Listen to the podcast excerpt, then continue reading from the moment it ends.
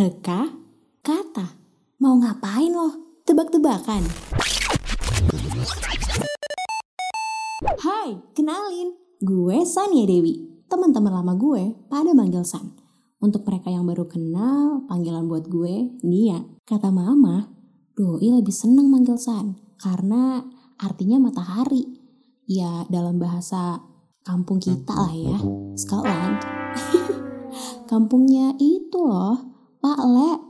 Pak Le wis kapal di coy. By the way, kenapa reka kata? Gue bingung mau dikasih nama apa ya podcast ini.